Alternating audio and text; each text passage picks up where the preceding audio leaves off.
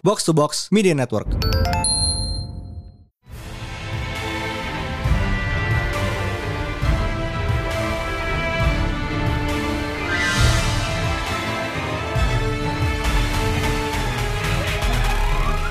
Welcome back to Perhatian Panel Show di mana kita membahas komik panel by panel bersama Mindan Hi Priest. dan Lindung, halo yuk. Halo. feat- again once again featuring Hey, Jakadi datang lagi. yeah Akhirnya. Rame, boys. Ya eh, soon. pertama gue mau thank you buat Andre dari Box to Box yang udah bikin kita bikin bumper baru Akhirnya ya. Update setelah sekian lama kita podcastan sama Box to Box. yep and on this episode it's Invincible The whole season ya. whole season dong Yeah, wait. no holds bars no spoiler free Wait, spoilers free bukan spoiler free Spoilers running free, bukan Yep. spoilers free. itu dia jadi ini 8 episode start dari Maret kemarin ya Iya. dari Eh, Maret iya. ya baru selesai hari Jumat lalu. Dan sebelum season finale, as per usual dengan Amazon, udah renewed. Dan bukan cuma buat satu season, ini udah renewed sampai season 3. Yeah. Thank God. Gila emang duit Amazon sih ya. Thank you Papa Bezos. Papa. Tapi kayak gue pengen ngebahas kayak seberapa duit sih di series sih kayak lo ngeliat dari castnya aja tuh udah gila. Iya anjir. I mean lo ada Stephen. Stephen Yeun, Sandra Oh, J.K. Simmons, which is kayak easily one of the show stealers ya. Zachary Quinto man, Jason Mantzoukas. Jadi robot deh. Iya robot. Zachary Quinto apa? Oh, Jason Mantzoukas. baru tahu ada Zachary Quinto. Ya, I mean kena filter sih suaranya jadi kayak I don't blame you. Terus kayak lo ada geng Walking Dead, ada Lauren Cohan, ada Chad Coleman, Michael Curtis segala macem. Also Seth Rogen yang kebetulan produser juga sekalian. Terus ada Walter Goggins as Cecil Statement, Marcella Ali as Titan dan masih banyak lagi bener star studded. Kayak setengahnya case-nya ini deh, si Walking Dead gitu. Iya. Gue ngeliatin si Guardian tuh ada salah satu case-nya Iya. juga. Gitu. Guardians of the Globe itu semuanya Walking Dead. Ya makanya. Oh, Kayak Kirkman Connection lah. Yep. Jadi kayak first impression lo kayak setelah ngabisin satu season ini gimana sih? Gue bakal mulai dari lo dulu Jack. Oh, oh gue dulu. Um, gue baru kelar nonton kemarin di jam 2 atau jam 3 gitu ketika dia diajakin podcast kayak oh iya gue mau. Tapi gue kayak, kayak kemarin gue skip nonton kelupaan. Tapi untungnya gue nonton langsung tiga episode terakhir dan gila banget sih. Gue senang banget akhirnya ada ada series show superhero yang they don't drop the ball by the ending. Setelah gue agak-agak let down sama WandaVision dan Falcon apa uh, in the Winter Soldier terutama. Jadi ini beneran yang kayak holy shit, they mereka they took something yang really different dari komik terutama untuk en- ending dan final dan I think it works so much better dari di komik karena di komik itu kadang lumayan lum, eh, komik tuh kayak lumayan deket-deketan antara reveal si Omni-Man apa yang terjadi di ending season 1 sampai ternyata dia tuh siapa dan ke- ternyata dia siapa pun juga kayak lumayan tiba-tiba gitu kan kalau di komik komik tuh kayak si Mark Grayson lagi datang ke Comic Con terus tiba-tiba ada berantem berantem ternyata hidup lagi dan oh ternyata bokapnya ngaku kalau dia yang ngebunuh Guardian buat gue way to rush ternyata di sini ini mereka nge, nge, nge- split ada tiga subplot yang pelan-pelan di reveal gitu di ujungnya dari nyokapnya pun curigaan eh, si kembar tuh ngapain it's it's it's really good lah gue suka banget endingnya dan I think we gonna talk about later tentang what happened in the train so Oh, itu. good it's totally totally Oh. totally satisfying eh, season 1 ya Yep. Eh, Crystal bagaimana? oh. Jadi gue tuh nonton seriesnya going in blind. Gue tuh nggak tahu apa-apa tentang Invincible. Gue gue nggak. Gue pernah lihat komiknya, tapi gue nggak pernah baca. Pertamanya di episode 1 gue itu kayak wah ini wholesome banget gitu. Ini tentang ini tentang keluarga terus keluarganya superhero. Wow, keren banget gitu. Terus pas endingnya gue kayak anjrit. Ini apa? Nangis. Terus lu tahu sendiri dan gue cerita ke lu. Eh, Gara-gara gue nonton seriesnya tiga episode pertama, gue jadi kepo sama komiknya. Ya udah gue baca. Seminggu dong gue kelar 25 volume. Komiknya cepet banget sih dibaca itu bahaya iya, Yes. anjir. Gitu kayak paper crack. Iya, terus karena gue udah baca komiknya, gue jadi kayak impression gue terhadap seriesnya tuh apa ya? Asik gitu. Sebagai orang yang kayak udah baca komiknya, tetap aja seriesnya surprising dan fresh ras. Mm-mm, kayak Eh, semacam di remix gitu. kan. Good, good. Anjir. Lu bang? Hmm? Oh, eh impression. Initial reaction ya, Initial reaction. initial reaction ya kayak eh sama juga sih gue tuh kayak kayak tahu Invincible ya udah dari lama. Kayak pro kayak properti Kirkman dan kayak gue udah sering kayak buka website baca komik terus eh, terpampang di situ tapi gue nggak pernah ngeklik. Sampai akhirnya kemarin pas Dana bilang mau kita podcast ini lu tolong nonton ya. Baru gue nonton dan kayak menimbulkan ketertarikan. Pas episode 1 gue kayak oh oke this is like another Cape Shit show gitu loh. Another Cape Shit cartoon. Kayak I think I like it but maybe I'll drop it a midway gitu. Kalau udah season berapanya mungkin gue menunjukkan ketertarikan lagi tapi kayak pas ending season 1 terus kayak that that massacre happened gue kayak oh okay I wasn't expecting this. I think I'll stick around for a bit longer. Terus kayak I'm grateful that I did. And I'm kayak I'm somewhat excited to see what uh, apa yang bakalan datang break Kalau gue, gue sebenarnya ngikut komik itu dari kayak let's say about three quarters sampai belakang. Gue masuk ke telat terus kayak somewhere in between kayak gue mulai dari awal lagi kayak baca beberapa volume pertama tapi kayak there's this gap kayak antara mungkin seperempat pertama sampai tiga perempat tuh kayak ada, ada ada yang belum gue bridge. Ada yang gue benar-benar masih buta sama sekali nih. Cuma tahu dari plot point yang sudah datang setelahnya. Tapi ya, lo nggak butuh itu sih buat buat enjoy series ini karena ceritanya emang bener kata yang lain nih eh, semacam retelling plot pointnya mirip-mirip sama komiknya kayak lo nggak melenceng jauh dari situ tapi semacam di remix kayak eventnya ada yang di ordernya diputer-puter kayak ditambahin event baru ada yang di take out juga segala macam and it makes for a better pacing sih. 8 episode kayak berasanya enak aja gitu. Like it gue enjoy banget coba ya jadi kayak lo punya karakter-karakter baru yang beberapa karakter emang di kayak di take out dan di edit buat series ini sih. Kayak kayaknya editan yang paling stand out tuh ya si siapa? Damien Darkblood ya? Karena di komik itu dia benar-benar Iya. kayak Rorschach clone banget. To be honest di komik dia kayak nggak penting gitu ya. Ter- Iya, di seriesnya dia lebih lebih apa ya banyak screen time-nya gitu. Iya terus kayak kalau di komik kan dia kayak Rorschach clone itu kayak pertama kali lihat tuh dia di shoot dari belakang kayak parodi itu kan. "Eh, dan memang komiknya banyak banget parodi. Apa ada cameo cameo dari karakter-karakter juga kayak Savage Dragon. Ya itu kan karena si Invincible ini dia emang semacam part of the larger image superhero universe kan. Ya dia kayak ikonnya sih sebenarnya. Gue kayak ngeliatnya kayak dia kayak Sonic the Hedgehog atau Super Mario gitu. There you go. oh ini for for a while this is like the image after the the Spawn era gitu lah image tuh Hmm. ini loh gitu. Iya, yang AG-nya tuh dapet the host Iya. dari image 90-an tuh dapet. Dan emang uh, Invincible sendiri kayak dia spawning suatu franchise superhero yang lumayan gede pada pada zamannya. Kayak dari Invincible ini kayak lo spin off ke Guardians of Globe kayak dapat series sendiri. Terus ada Brit ada segala macam spin off spin off series kan? Gue belum nggak pernah baca itu komik spin-off. I know Gue it gue nggak ya gue juga masuk itu pas mereka lagi gencar-gencarnya bikin spin off series kayak Guardians of Globe tuh gue inget banget baca. It's good. Gue belum. Masih Gak apa. morning karena gak apa gue abisin komiknya cepet banget. jangan jangan dihabisin semuanya karena soal kontennya udah nyaris gak ada nih. Iya nih. Ya anyway, uh, we'll get down to the moment seperti biasa round table aja. Gue, Jaka, Kristal, Abang, masih banyak satu dulu ntar kita for a total of two moments ya, muter aja. Iya. Sebenarnya kayak tadi momen pertama gue ini sebenarnya udah disinggung tadi sama Jaka nih, yaitu The Subway.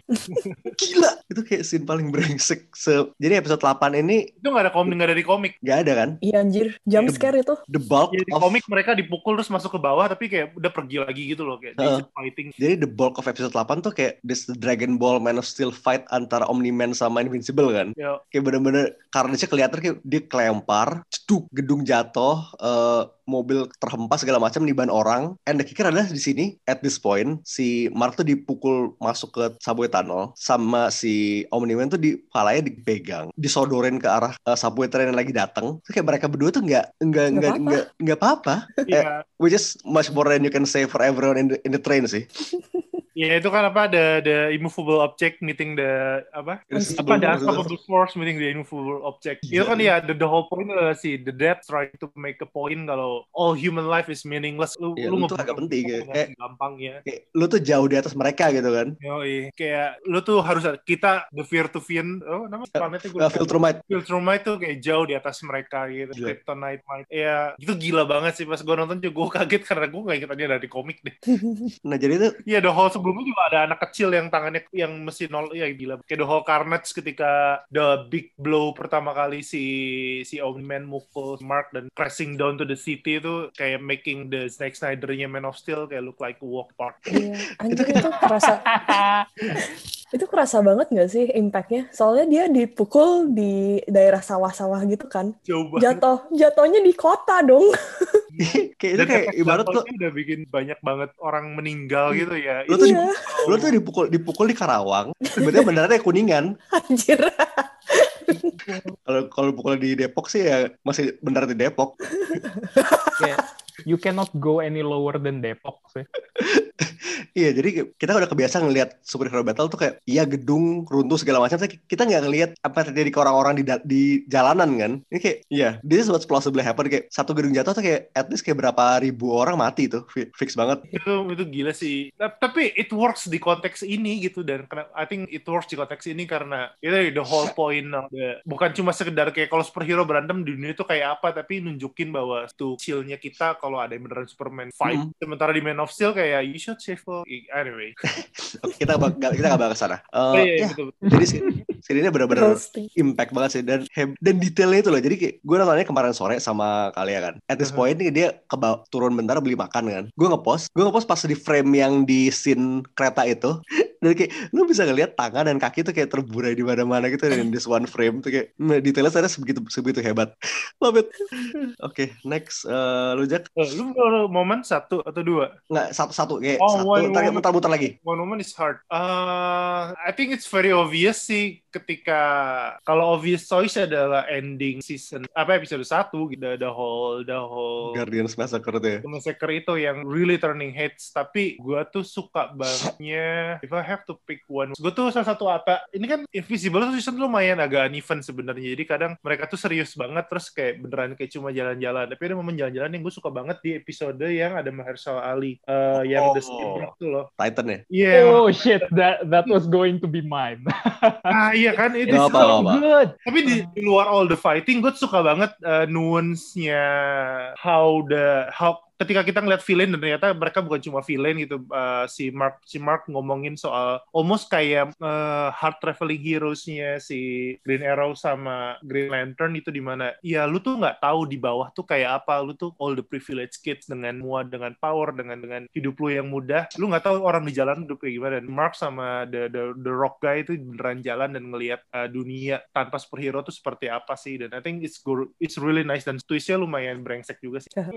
Itu itu gue nggak inget ada di komik sih mungkin ada juga gue nggak Se- Sekelihatan gue sih nggak ada ya. Mungkin kayak ini, gue rasa ini benar-benar chapter yang masuk exclusively buat series deh. iya kayaknya ya gue gue gue sih nggak inget gue udah lama nggak Di Soalnya komik banyak tuh, banget yang diputar-putar kan Gimana? Yang baru baca gimana? di, Ada nggak? di, di komik tuh ada, tapi apa ya, nggak dibahas sebegitu apa ya, kesenjangan sosialnya tuh nggak dibahas di Iya. komik. Oke. Mereka dia tuh ber- jalan, tapi tapi nggak apa nggak sedih semodern ini loh The ceritanya Lion gitu. Guy itu keluar di belakang nggak sih gue tuh lupa deh kayak yang yang Lion itu yang jago banget peran Ada kayaknya ada. di depan tuh nggak ya Lion Putih si Battle Beast kan? Heeh, betul. Iya, itu kayak- iya. Soalnya yang name really robot- Battle Beast? robot That's itu cool. kan Iya, namanya Battle Beast. Legit. Oh, that cool. Soalnya Eh, yang, yang robot profesor di SeaWorld itu setahu gue tuh kayak di, di volume 8 atau berapa gitu. I think the whole, kalau mau baca komiknya, The Whole Reveal Omni-Man tuh ada di tiga harus. Mm-mm. Dan di tiga tuh lumayan padat sama interaksi dia sama The Whole Teen Titan itu. Dia sama Alice dan Eve. The whole plot tentang dia dan musuh-musuh di episode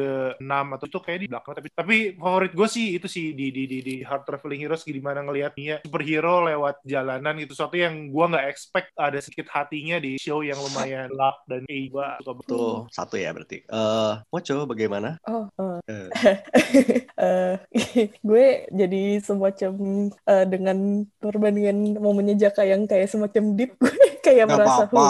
tapi tapi gue suka eh, momennya eh, jadi Cecil Statement itu karakter favorit gue The Bastard Man ya. Bastard Man CIA Spooky Man Cecil Gue tuh si suka. Fury ya. Iya, anjir si Fury equivalent. Gue Nick ketemu Fury. dia dan The Mark Hamill yang ngejahit. Gue suka banget yang ngejahit. iya di keren Nick Fury tapi pakai skinnya Jonah Hex gitu. iya keren dia keren Fury Hack. Iya, jadi eh, gue suka banget ya. Dan di komiknya dia tuh cuman literally eh, nggak ngapa-ngapain. Dia cuman kayak apa ya? Dia dari belakang doang. Dia yang eh, apa namanya? Dia kayak general generalnya gitulah. Tapi di seriesnya gue kaget pas dia make eh, teknologi teleportnya itu buat nyamperin Omni-Man. itu keren banget. Dia kayak gue gak gak bisa menjelaskan sebetapa gue kayak ngangaknya pas dia berani-beraninya nyamperin the most powerful superhero on earth dengan kayak modalnya cuman kayak uh, cannon yang gak seberapa sama teleportation device. Dan dia berhasil hidup gitu. Keluarnya hidup. Keren banget. Itu emang begitu ajaib sih ya. iya. Gila. The balls on that man. Mana Walton Goggins pula? Iya. Gila. aduh gak bisa. Gue fangirling sama opa-opa itu Bastard. Dia keren banget sih dan dia selalu kayak making all the hard shit kan kayak Yang ngeledakin rumah apa spying house itu kan. Iya, yang yang even kayak Mark sama Omni-Man berantem yang lawan monster di Very XP, terus nyokapnya Mark ya stop the fight dan lain-lain, tapi ya dia kayak gue nggak bisa, gue nggak nggak tahu apakah mereka kerja sama atau enggak dan gue nggak bisa stop itu punya kesempatan stop mereka berdua. Like he always make the the hard decision gitu, tapi gue suka banget karakter. He like the better Nick Fury dari dia kayak always. Kayak sel- Fury gitu tuh kayak di either di Avengers 1 atau little bit di Winter Soldier gitu dan kita nggak pernah dapat banyak Shady man. Iya, kayak always something kita nggak tahu. Tapi I think the right guy, tapi gue nggak pernah tahu stand kok banget. Lalu bang, momen satu. Eh, gue expanding upon Jaka aja sih kayak the reveal the ending pas Titan was trying to take over Machine Head's empire kayak I wasn't expecting that at all jadi pas dia tiba-tiba pakai jas terus di sebelahnya muncul si what's his name again yang bisa teleport itu Ah, Eh, lupa. isotope isotope. Ah, that guy. Aha, kayak pas dia bilang I've paid him to eh, buat jauh-jauh dari sini jadi nggak bisa mindahin machine head. Terus pas dia datang bawa semua villain lain tuh gue udah kayak holy shit this is this is unexpected. How are how are they going to live from this? And it turns out kayak he's living and he does more than just living. He's taking over. Terus gue kayak oh shit oh shit. This is kayak I wasn't expecting this twist at all because he was getting beat up juga di situ terus kayak wah anjir gitu. Ternyata dia yang taking over. Terus kayak kayak it gives a whole new meaning pas eh, Nolan tuh ngomong ke Mark. Dia bilang dia tuh cuman make lu gitu. Lu nggak usah keliwat berharap banyak gitu kayak gue dari situ udah mikir ah om eh, kayak Omni-Man-nya aja nih yang suuzonan gitu.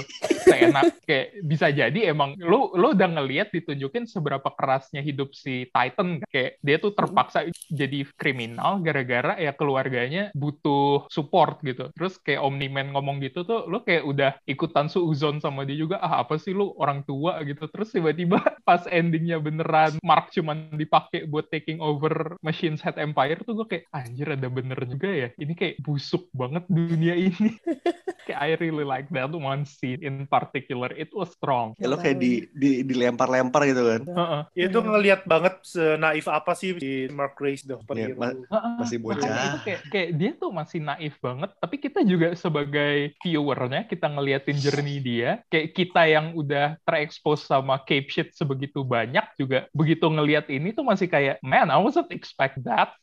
kayak, we saw the struggle and we weren't expecting this. It was just cool. Terus kayak ini sekali lagi Mahershala Ali menjadi crime lord ya. Iya, Mahershala Ali tuh kayaknya passionnya jadi crime lord. I don't mind. It's cool. Ya, dia ada the, the whole charismatic black guy crime lord. Keren sih. Terbang. So momen dua gue ini masih agak semi nyambung ke si ke episode itu. Ya kayak tidak jauh sebelum uh, Titan taking over, kita kasih benar-benar invincible sama tim tim tuh ngelawan gengnya Machine Head kan. Mhm. And it's so good. Ya, kayak it was very obvious that the budget went there. The budget went there sama the final battle sama Men. Aha. Oke, Kayak dua pos pengeluaran terbesar di satu season itu dua tuh. itu kelihatan banget sih mereka tuh ngekat ketika aduh gue nonton episode berapa ya yang the whole robot in the sewer itu kayaknya episode itu deh Oh, si itu bukan sih yang Oh, yang Re- ya? yang Iya, Ezra iya. Miller itu ya. the fight is fine tapi the whole episode tuh banyak banget uh, walk and talk gitu loh yang mereka cuma Mm. ngobrol di jalan dan I really hate how they animate people walk tapi ada satu momen yang bikin gue ketawa ngakak karena budget is really cheap ketika si Mark kayak starting to make out sama Alice terus ya gambarnya cuma dia ciuman terus gambarnya turun kayak wayang jadi turun gitu doang kayak oh my god Se- Sebenarnya yang yang yang kelihatan budget cut banget tuh yang waktu itu loh, yang Mark abis dibonyokin sama Omen terus kayak scene uh, Oh. Debbie sama Selamatin sama ya si Sil kan. turun dari helikopter tuh terus kayak cuman potong item potong Iya. item potong item potong item Itu pinter loh sebenarnya kayak gue Itu lebih prefer budget kelihatannya masih bagus, Iya, tapi nggak kelihatan murah. Heeh, ya pinter, clever, clever best. Gue prefer kayak action eh, scene-scene yang kayak gitu tuh emang kayak cutting corners, tapi kita dapat actionnya tuh bagus banget gitu. Actionnya gila banget. The start, uh, the whole apa uh, hammer yang si Omni-Man ditembak sama satellite hammer itu, terus kayak all the flashing tuh kayak budgetnya kenceng. Iya, Budgetnya keluar di situ. beberapa layers uh, style gambar gitu kan kayak di biru dan merah dan holy shit nih kayak kayak the closest thing mereka untuk masuk ke Anipang fight friends. sebenarnya yang Gundam bullshit banget yang waktu Mark eh Invincible sama Omni-Man berantem tuh ya waktu kayak cahaya cuman gerak-gerak doang kayak this is some Gundam bullshit Iya. Kayak, you Itu don't kayak want to itu drown Dragon Ball aja. Aha. Dragon Ball. Cuing cuing cuing. lu cuman ngeliatin light streaknya doang but that's still cool kayak I like that visual karena kayak lo nggak perlu tahu seberapa detailnya berantem ini kayak lu cuman tahu this this happens at a very high speed and I like it Terus kayak again desain gengnya si mesinnya tuh keren banget. Especially Battle Beast sih. Itu Battle Beast emang Hmm. dari awal kayak dari pertama dia nongol di komik tuh yes, this is a, this is a character capital C character. Ya, gue gak sabar dia muncul lagi di The Next Stage. The Mahershala Ali, The Battle Beast. Battle Beast tuh kalau di komik, dia punya relationship yang keren banget sama si Ellen the Alien yang juga tuh. Ellen sayang banget sama Ellen. Ellen, Seth Rogen suaranya kerasa banget He's such a dork. Fucking love him. gue gue gue berharap Ellen bakalan ketawa at some point. I wanna I wanna hear Seth Rogen laugh. Ketawa telepatik. Yeah, through this Dia alien. munculnya soalnya. Dia muncul kedua kali kayak ngasih berita yang udah telat banget gitu. yeah, we been know. Di tempat we been know. Kayak kedengerannya bisik-bisik gitu loh. There's been a Viltrumite in your planet. Terus kayak Dia harus Iya. bisik-bisik kan telepati anyway. Bodoh, tapi makes no sense, Kenapa? but it's just fun. Kayak dia tuh quintessential himbo gitu loh, bro. Terus kayak tapi agak-agak dim. Space Cop, The Himbo Hal Jordan. Iya. bodoh emang dia. Yeah, we Udah him. kayak reveal pertamanya juga dia salah planet itu kayak oh ya I like this guy already. Harus sama urat aja. Urat. Terus kayak dia tuh udah 15 tahun gitu datang ke bumi kayak salah planet lu bayangin nih ya lu lu kurir lu nganter barang ke satu rumah tiap selama 15 tahun dan lu 15 tahun kemudian baru tahu itu salah rumah Nangis banget. instead Sedih of banget. instead of lu nganter lu harusnya bukan nganter ke Jakarta lu langsung nganter, nganter ke Yogyakarta love Ellen Ini- tapi ya buat spoiling tuh masih Ellen ini bakal jadi kalau di komik ya dia major karakter sampai ujung kan Meja. Yes. so we're gonna skip a lot more of him hopefully bridging yang bagus untuk What's Next for Season 2. Iya.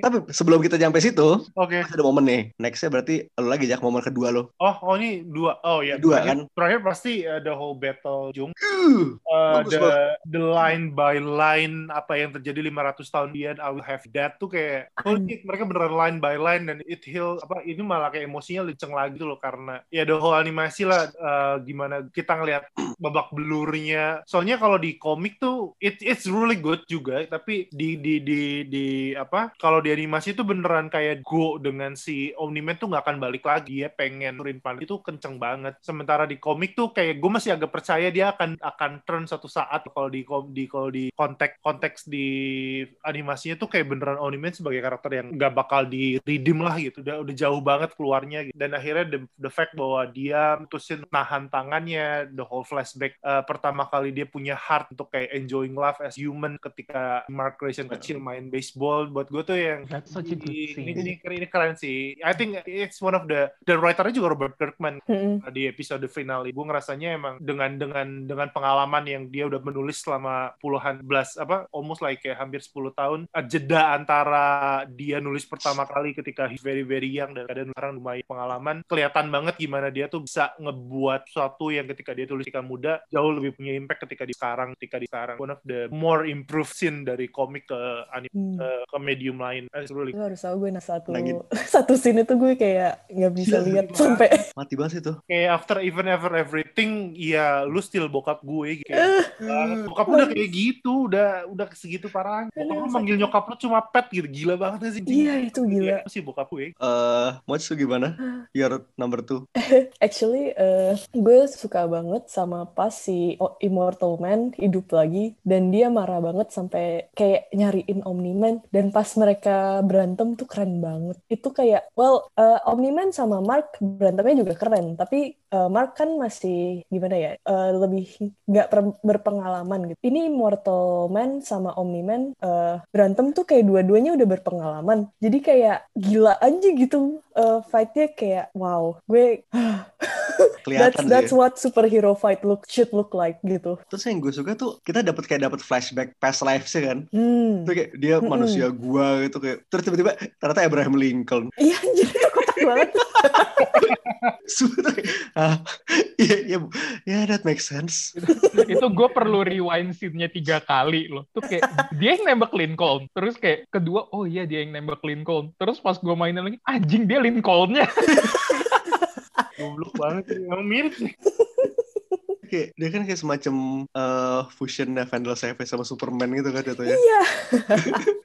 Kayak, Dia jadi dari ini- Immortal Man-nya apa? Valiant Comic. Iya siapa eh, di Immortal Warrior that's guy. Iya, iya. Eternal Warrior. Eternal Warrior tuh dia. Iya, Itu lucu banget sih, pasti banget. Terus kayak the fact kayak dia kayak dibangunin tuh kayak tak udah dipakai segala macam kontrol gitu kan sama si Moller. Tuh kayak Gak ngefek. enggak enggak. Man literally too angry to die. iya, nggak salah. Terus kayak kita bisa ngeliat bener-bener kayak bedanya pas dia taken by surprise sama pas dia udah emang udah niat udah nawa itu mau ngebukin Omni-Man gitu loh. Nawa itu. Dan Iya. voice actingnya juga bagus banget. Dia bangun-bangun langsung teriak-teriak, Where's Omni-Man? Gitu. Aduh, keren banget. gue ngakak lehernya tuh di staples. ya ini kepalanya copot. Mau gimana lagi? Stop, cekrek-cekrek. Hei, itu eh lu bang yang nomor tuh. Eh, number two gue tuh itu sih Rex getting his ass beat by Monster Girl. kayak it kayak it's just so satisfying. Kayak I like seeing his a- kayak his ass get beat gitu. He he was sir. Kayak dia bilang lo pada buta apa ngambil anak gadis kayak gini buat join grup kita terus tangannya Monster Girl tuh jadi gede dia ditonjok gue kayak yes yes yes gitu gue gue beneran teriak loh pas nonton tuh kayak gue seneng banget kayak dari awal tuh lo di frame buat benci dia gue tuh kayak lo tahu sendiri kan penyakit gue dan kayak gue bakalan benci banget sama satu karakter terus kayak by the end gue bakalan cinta banget sama dia ini Kalau kayak dari Dim, Iya, ini tuh kayak Flash Thompson syndrome gue. Kalau ngelihat Bastard, gue bakalan cingkup benci banget karakter. Terus kayak 10 episode kemudian gue kayak gue bakalan tak benci karakter. Terus kayak gue ngelihat Rex tuh gue nggak merasakan hal yang sama. Gue cuman kayak anjing brengsek banget ya dari awal tuh nggak ada perubahan sama sekali.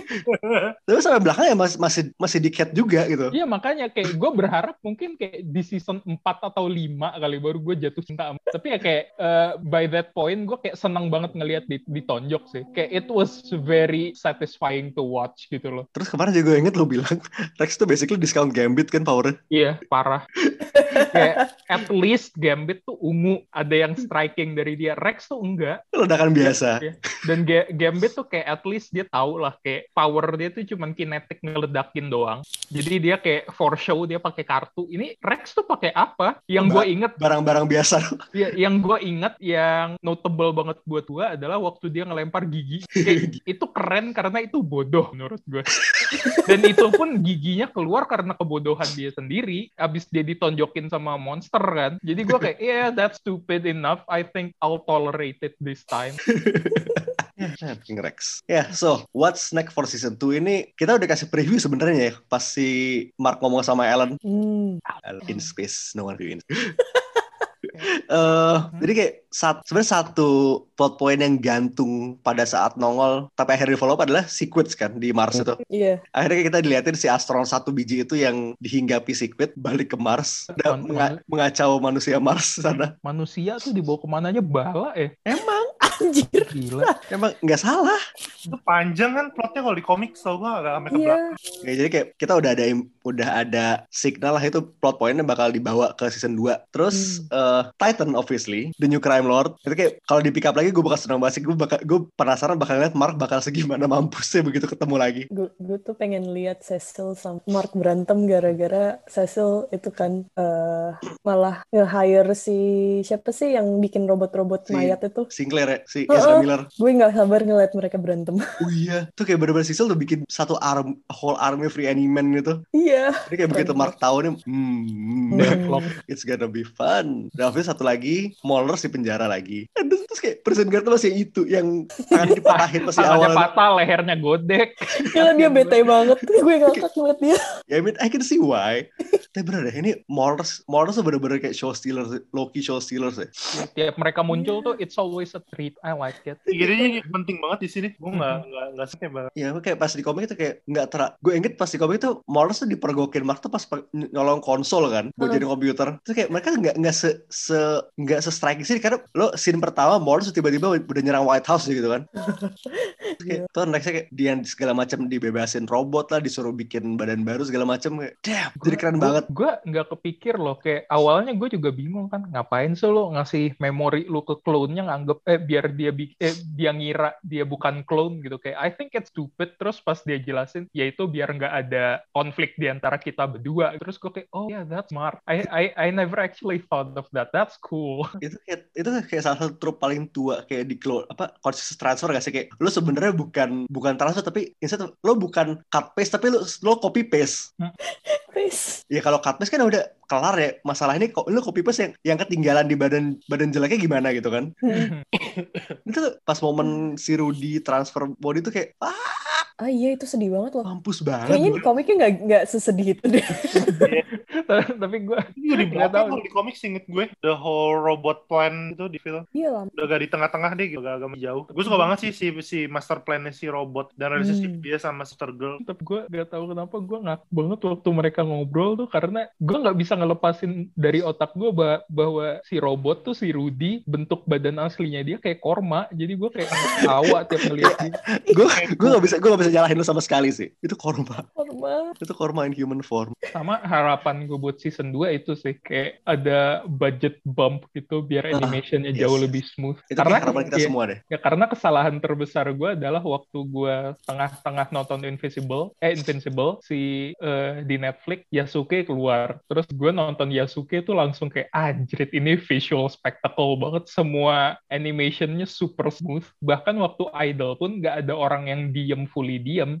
Kayak ada breathing movementnya terus kayak ada kayak rambutnya yang gerak atau jarinya yang gerak. Terus gue ngelihat Invincible tuh kayak anjir ini kaku banget. Semoga season 2 tuh ada budget bump gitu loh. Jadi kayak whoop dinaikin lagi abis ngelihat animonya sebagus ini. Itu kayak harapan kita semua deh. Heeh. Tapi ini kayak gue ngerasa emang itu sih yang ketika gue sempat ngobrol di Cyprus untuk satu, yang pertama gue agak sulit masuk adalah ke style animasinya The Show Amerika karena kayaknya kalau ngelihat beberapa kayak uh, animasi dan atau Marvel, gue nggak nggak banyak nonton animasi Amerika for sure. Mungkin kayak BoJack Horseman gitu-gitu, tapi kelihatan emang kayaknya emang begini sih gaya apa estetik atau gimana sih mannerism dia untuk Mhm. how the character move on the screen tuh emang beda banget sama di anime, anime Jepang. Gue ngerasanya kayaknya nggak tahu sih. Ya I hope mereka punya budget banget tapi at the same time kayaknya emang mereka udah ya ini aja gitu. Gue udah menerima dengan lapang dada kalau oh, emang dia. begini deh. Makanya ketika adegan karena si Alice sama Mark Ciuman tuh gue malah yaudahlah ketawa aja kayak mereka kayak tapi pasalnya kayak gue belum lama yang lalu juga abis rewatch itu kan kayak The Legend of Korra terus gue kayak oh iya iya Ya, kayak animation cannot get any better than this lah US animation. Kayak it's just so good dan gue berharap kayak ini bisa jadi kayak standar buat animasi berikut eh animasi animasi berikutnya tapi kayak ya it's kayak I think it's impossible but kalau Invincible somehow bisa miraculously dapat budget bump dan bisa outsource animasinya buat kelihatan lebih bagus kayak I would love this show even more iya kayak seminimal mungkin tuh vibe-nya dibikin kayak fight scene-nya lah animasinya kayak sebagus itu aja iya gitu. ha. ya Saat pas lu ratain di situ aja gitu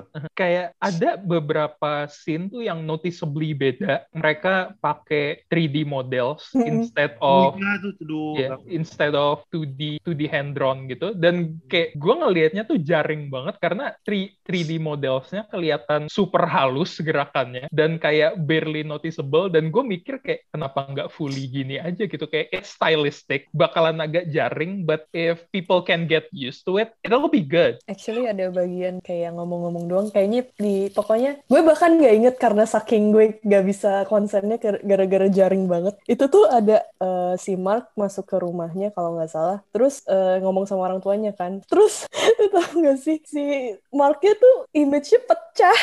Dan gue kayak ya?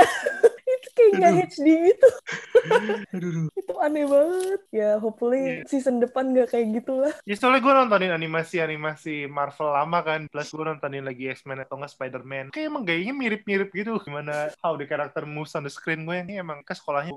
yang tahun 90-an bukan sih Jak iya iya makanya kayak sama gitu. Iya, itu- sekarang. itu sebenarnya kayak eh, animasinya semua outsource dari Vietnam kalau nggak salah iya Kayak I Bau think- umur gitu bikin 哈 哈 Ya, tapi ya salah itu kayak harapan pertama gue sih harapan pertama kita adalah kayak at least ada bump up in animation ya. Mhm. Tapi kalau dari gue sendiri sih pas more Ellen please. More Iya, Ellen please. please. Yes.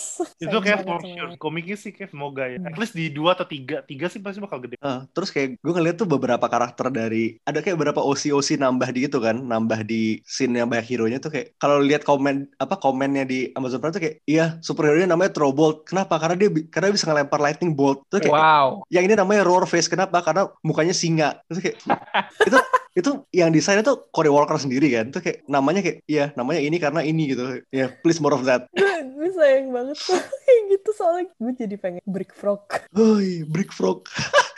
It's a Oh, frog that throws bricks. Oh itu sama ada satu lagi tuh plot point yang agak lupa gue angkat tadi artisnya. Jadi Dr. Seismic is not dead yet. Ya, And he is now a ruler of an underground rescue. Dia jadi mole man basically kayak kan. kayak, kayak ada moloids gitu Dia jadi mole man.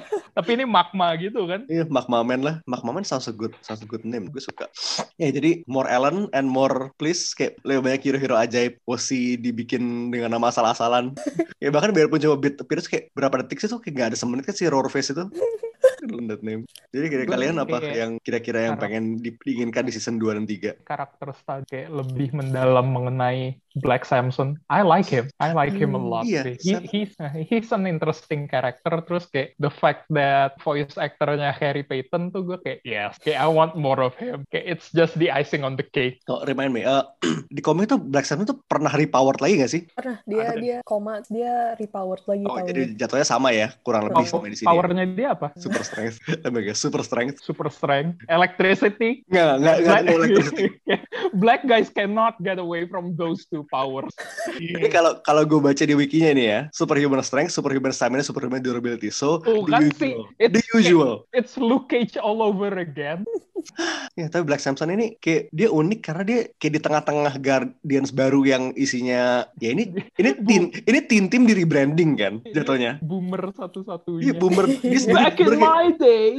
Dan sebenarnya gue suka sih pas scene yang si Rex ngebersih mulai ngebersihin bercak darah dari hasil massacre-nya Omni-Man itu kayak si Black Samson gak suka kan terus kayak pas ngeliat yang lainnya nodong dia di belakang itu kayak now we're feeling like a team. Itu itu sebenarnya kayak you can take it both ways itu kayak mungkin dia udah convince bahwa semuanya tim atau mungkin dia emang takut Iya. Itu bapak-bapak banget gak sih? Heeh, iya Nah, gitu dong.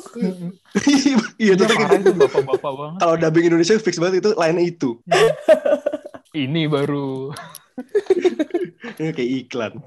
Tapi ya Black Samson kayak needs more spotlight karena menarik. Eh kalian Jack Oh, gue Eh, ada Oco, satu ya. terakhir. uh, what what I expecting for what I expect for. Jadi yang yang yang unik ini di luar animasi ya, tapi yang unik dari Invisible Comic tuh buat gue, comic book started with Cory Walker kan awal-awal. Terus ada Ryan Otley masuk di isu kesekian, isu 8 sekian. And the art Cory Walker awal-awal, eh, uh, the artnya Ryan Otley di awal-awal tuh trying to emulate si Cory Walker di depan sampai gue lupa isu berapa. I think setelah arc-nya If in Africa is starting to be more and more Ryan Otley yang kita tahu sekarang. Dan gue nggak tahu apakah the art di animasi bisa pelan-pelan juga agak sedikit emulate ke artnya Oh, Ryan Otley. shit, karena dia dia tuh lama-lama tuh kayak lumayan beda banget walaupun awal-awal kelihatan sama tapi kelihatan the maturity the detail tuh jauh lebih kaya dari gam di gambar Ryan Otley. Dan whole glory-nya tuh udah jauh lebih sadis dari gam di gambarnya. Gue suka banget cartooningnya tuh beda banget dan the whole detail karakter mereka presented on screen di panel di page itu Ryan Otley strong banget dan dia sekarang juga udah luar biasa gitu dengan detail. Gue senang banget sih. kalau bisa tiba-tiba oh, berubah. Karena sekarang kan masih kayak lumayan Sangat Walker ya. Walker Iya. banget Hmm. gitu, peace, bersih gitu. Ntar kalau di Walker tuh padat, sangat condensed dengan detail. Mungkin kayak shiftingnya tuh dikit-dikit gitu kan, kayak biar nggak Hmm. jaring gitu. Ya, I think ya that's an idea. untuk untuk stay true to the comic karena buat gue komiknya unik karena ada dua artis itu ada perubahan shifting art sama kayak Walking Dead dari Uh, Tony Moore awal ya. Tony Tony Moore, Moore awal- kayak bener-bener satu volume Manson. pertama doang gitu kan, terus pindah ke Charlie Adler yang sampai ujung. Tapi kalau itu kan kayak masih ada black and white-nya. Tapi kalau di Walking Dead tuh lumayan lumayan beda sih ketika di awal sama di akhir. Walaupun transisinya mulus banget, pelan-pelan kita nggak bisa ngeliatin si Ryan Otley jadi dirinya sendiri, nggak nggak lagi ikutin orang apa artinya Cory Walker. Apakah gue nggak tahu animasinya akan menjadi ke sana. Tapi it's not wise decision untuk berganti tiba-tiba Arsal.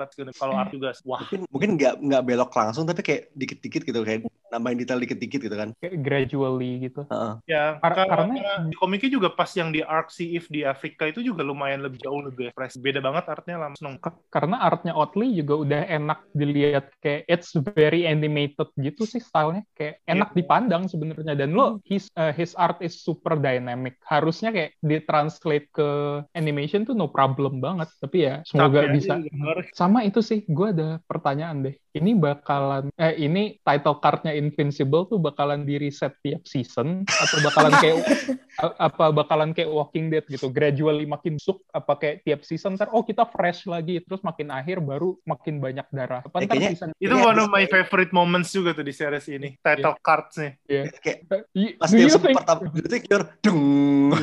itu kayak- Mereka selalu nge-cut ada dialog invisible jadi title card gitu gue. It- it's smart tapi ya itu pertanyaan gue bakalan di reset season 2 apa season 2 tuh kita bakalan kelihatan busuk banget title cardnya terus kayak ntar season 7 tiba-tiba title cardnya udah nggak kebaca sama sekali lagi Ya, kayaknya gini. Nih, kalau misalnya dia kita bergerak ke season 2 dengan title card yang sudah dalam status season finale ya, kayak by setengah season tuh udah gak kebaca. yes Ya, Itu kayak- sekarang ini merah banget sih ini Heeh. belakang itu. Terus kayak gue suka banget sih pas di sebelah Suffer itu kan, eh, title cardnya kayak pas di mark kayak, but I'm in, jebrak, ditutup pintu sama Ember itu, invincible. Iya, itu lucu sih itu bodoh banget. It pays off di situ loh, gue seneng banget. Iya, that's invincible, that's season 1. Mhm. Kita belum ada kabar kapan season 2 bakal datang, tapi hopefully soon. Kayak kalau ngelihat pattern dari series Amazon, kayak biasanya jadinya setahun ya. Hmm. Ya. year-ish kayak antara The Boys 1 2 juga kayak setahunan. I think it's a safe assumption sih. Ya, yeah, hopefully we'll get news sooner than later Ada karena man, gue seneng banget. I don't uh, I don't mind if they take a bit longer to kayak yang harapan kita tadi to bump up the animation Iya, quality sih. kayak I wouldn't mind Dan jangan lupa kita masih sebenarnya masih punya project live action ya kan. Itu Ah, belum iya. belum kandas. live actionnya pakai voice actorsnya semua sih ya kalau Seth Rogen jadi Ellen lagi sih masuk sih. lo lo bayangin Seth, Seth Rogen langsung jack gitu kayak gue nggak bisa bayangin sih Nggak, gini, gini, gini, lu bayangin nih bada- badannya badannya pakai badan asli tapi kepalanya pakai CG. Anjir jelek banget. yang yang gue kalau kayak gitu berarti Stephen Yeun harus main jadi anak umur 17. Iya. Karena Stephen udah udah 37. Iya. Ya gimana ya? ya J.K. Simmons sih masuk. Oh, J.K. Simmons bagus banget suara dia ketika di akhir. Tiba-tiba jadi kayak apa? The whole the, the coach-nya di Whiplash. Aduh. eh tapi kayak eh, ngomongin voice acting kayak gue harus komen banget ini voice actingnya Stephen Yeun waktu dia bilang I have you dead dan dialog-dialog sebelum suara dia mulai pecah di situ tuh gue kayak gila voice crackingnya ini menjual banget sumpah? Gue gue suka banget kalau si Stephen Yeun tuh mumbling tapi kita masih bisa denger dan Iya. ekspresif gitu. Iya iya. sama suara si Rudy yang human robot itu siapa sih Itu Rose Marquand si what's his name? Kalau itu loh Red, gua Red, ti- Red Skull Infinity War. Oh, oke. Pasalnya gue tiap ngedenger dia ngomong tuh kayak gaya ngomongnya kayak Matt Berry gitu. Duh, ya, gue nggak kayak pas kemarin lo bilang tuh kayak I can hear it, kayak gue bisa ngeli, gue bisa ngerti gimana lo bisa come to that conclusion gitu loh. But ya, voice actingnya di semuanya stellar banget deh. Yes. Ya, gue juga kayak berharap ini dengan gue belum tahu performance-nya series ini di kayak on rating dan segala macem. Tapi kayak gue berharap ini bagus kayak biar kita bisa dapat berita filmnya sudah datang later sih. Iya, heeh. please jangan production hell lagi. Heeh. Karena ini yang megang filmnya juga sama sih Rogen sama Goldberg juga. Oke, that's good. Jadi kayak yang penting selama kita tahu Rogen masih megang series animated ya harusnya filmnya kepegang juga lah ya gitu. Nyambi dia kan. Ya, dan again kayak gue mau echo apa yang dibilang Jaka di podcast kita Sevens kemarin sih. Eh, jadi Seth Rogen ini belakangan ini rajin banget nih ngangkat ngangkat properti komik yang asumsinya dia suka kayak masuk ke dalam layar lebar layar kaca deh. Emang lo punya Invisible dan lo punya Preacher kan. The Boys juga dia Preacher megang. masih jalan sih? Apa? Preacher Preacher udah jalan? kelar, udah kelar. Udah kelar ya? Belum. By 2019 kelar. Ya, jadi kayak lo punya eh, The Boys, lo punya Preacher dan lo punya Invisible tuh semua produsernya si Rogen. That's great. Itu keren sih. Dia ngangkat sayang sama Rogan jadi makin sayang sama Rogen. itu dream banget ya. One day kalau punya duit ngangkat komik kesukaan lo jadi diadaptasi. That's the dream in it. Mhm. life. Ya, eh, that's all for this week. We will be seeing you next week karena minggu depan ada satu lagi komik image yang naik ya ke Netflix. Iya, Jupiter's Legacy. akhirnya yes. Satu lagi Miller World tembus. Powerful. Ini. Ya, we will be seeing Oke. next. So for now, this is Mindan This is High Priest. This Mindu. and This is Jaka. Mimin. apa? nggak udah.